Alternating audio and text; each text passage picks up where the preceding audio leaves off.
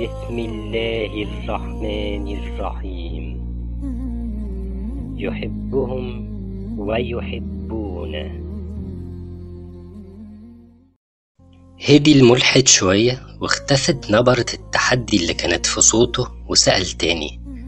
بس يعني حال المسلمين اليومين دول كله فقر وتخلف. ثم إن الإسلام انتشر أصلا في العالم كله بالسيف وبالحروب وبإجبار الناس على الدخول في الإسلام. وده يتعارض مع كونه الدين الصح أو دين كل الأنبياء وآخر الديانات.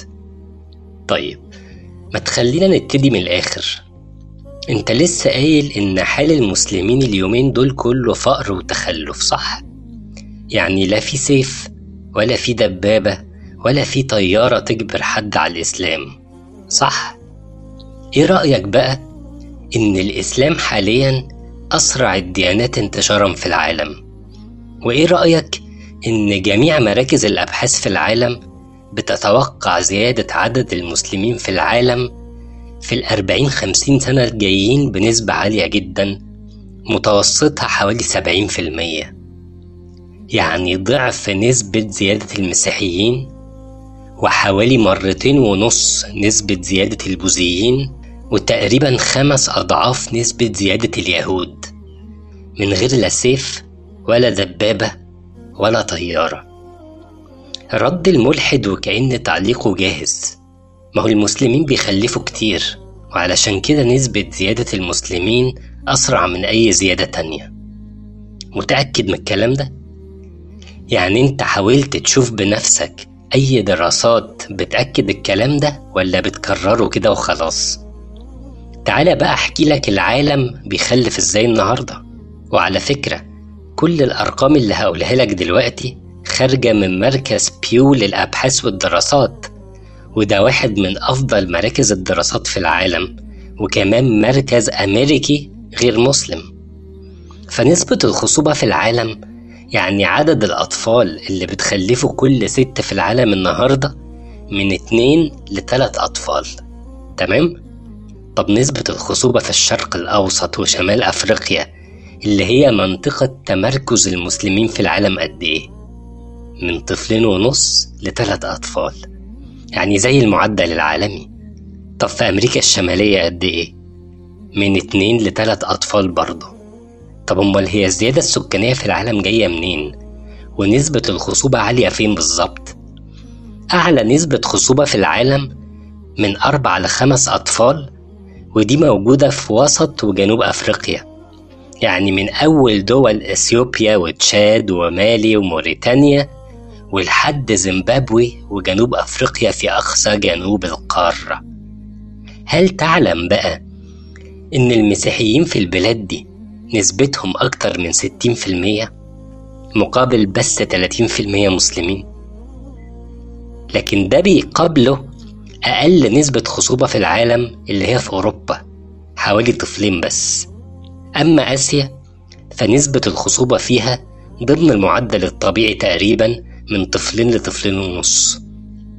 يعني الموضوع مالوش أي علاقة بنسبة خصوبة المسلمين وبالتالي التفسير الوحيد اللي يخلي نسبة المسلمين تزيد حوالي 70% خلال الأربعين سنة الجايين واللي خلى أصلا نسبة المسلمين تزيد حول العالم في كل السنين اللي فاتت هو دخول ناس جداد للإسلام من جميع أنحاء العالم. فلما يبقى ده الوضع في الوقت اللي حال المسلمين فيه بشهادتك كله فقر وتخلف. يبقى أكيد اللي بيدخلوا في الإسلام بالآلاف كل سنة دول أكيد شافوا في الإسلام حاجة مش بس معجزة لأ كمان مش موجودة في أي ديانة تانية. ولا إيه؟ نرجع بقى لكلامك إن الإسلام انتشر وقت الفتوحات الإسلامية زمان بالسيف وبالحروب. طيب الفتوحات الإسلامية دي وصلت لحد أفغانستان وباكستان وحدود الهند شرقا ولحد المغرب والأندلس غربا. ومن ساعة الفتوحات دي لحد النهاردة يعني على مر التاريخ فضل في ديانات تانية غير الإسلام في كل البلاد دي. إزاي؟ أقول لك أنا بقى إزاي. الناس في كل بلد من البلاد دي كانوا هما اللي بيختاروا. يا إما يدخلوا في الإسلام بمزاجهم يا إما يدفعوا الجزية واللي هي بالمناسبة أقل من زكاة المال اللي بيدفعها المسلمين يا إما يحاربوا المسلمين لو دي رغبة الشعب ويهزموهم ويخرجوهم من بلادهم ويحكموها بالطريقة اللي تريحهم زي ما حصل في الأندلس كده. ثم إنه حتى لو افترضنا جدلا إن في أي بلد أجبرت على الإسلام بالسيف هو مش السيف ده راح خلاص. مش على حد قولك المسلمين دلوقتي حالهم فقر وتخلف؟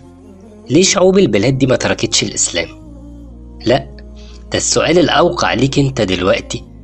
هو ليه المسلمين في معظم البلاد دي النهاردة بيشتكوا إنه بيتم التضييق عليهم في دينهم وإنهم مش قادرين يمارسوا دينهم بحرية؟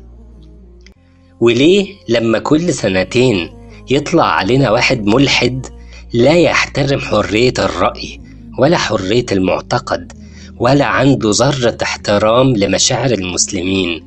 يطلع يهين رسولنا عليه الصلاة والسلام سواء برسم كاريكاتيري أو اتهام كاذب أو تصل به الوقاحة إنه يسب رسول المسلمين عليه الصلاة والسلام.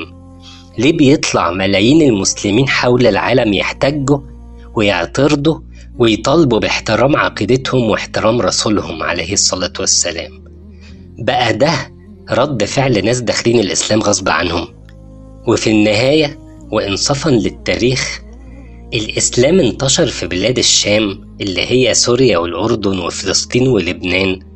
لما سيدنا عمر رضي الله عنه وأرضاه عين في البلاد دي معلمين يعلموا الناس القرآن وسنة النبي عليه الصلاة والسلام.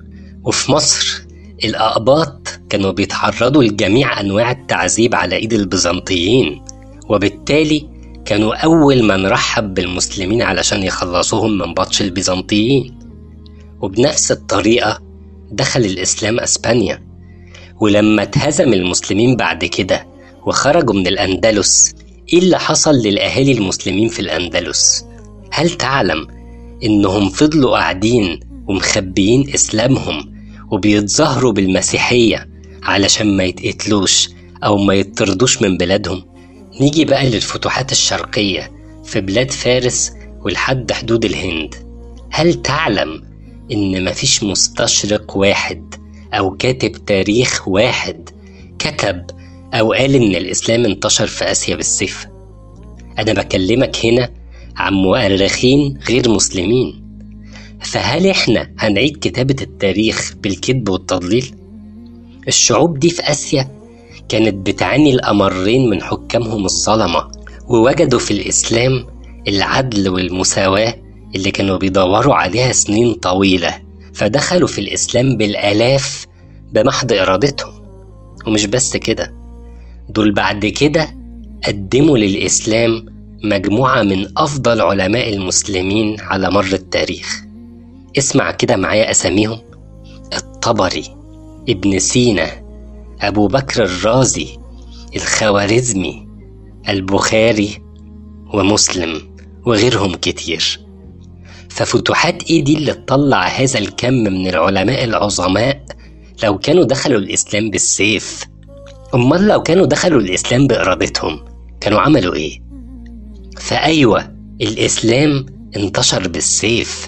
لكنه سيف العدل والمساواة سيف الرحمة والإنسانية. إنما سيف الرقاب ده مش الإسلام اللي استعمله. كلنا عارفين مين اللي استعمله قديما في أوروبا وفي بلادنا ومين بيستعمله حديثا في قلب بلاد المسلمين. فاللهم لك الحمد على نعمة الإسلام وكفى بها نعمة.